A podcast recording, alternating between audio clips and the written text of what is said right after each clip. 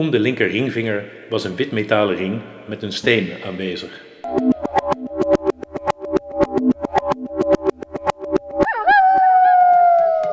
Tegen het raampje van de caravan staat een klein stapelbed. En aan weerszijden van de hardboardtafel zijn inklapbanken bekleed met ruitjes stof. Op de achtergrond de stemmen van verschillende kermisattracties door elkaar heen. En de liedjes. Als ik naast hem aan de tafeltje schuif, knijpt René, dat is de jongen met wie ik moet van Vicky, direct in mijn bovenbeen. En met het smalle blikje whisky cola in mijn handen bedenk ik dat hun koelkast veel te koud staat afgesteld. Misschien wel op vijf. Mijn moeder wil hem thuis altijd maximaal op twee. Eigenlijk wil ik hem vragen naar de karretjes van hun attractie en of ze die zelf in elkaar zetten en waar ze de schroefjes dan allemaal bewaren.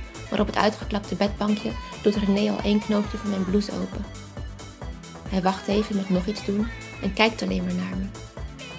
Zo goed als ik hem nu zie, ziet hij mij dus ook. Dan doet hij heel langzaam het tweede knoopje open.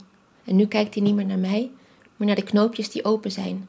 En naar de knoopjes die nog open moeten.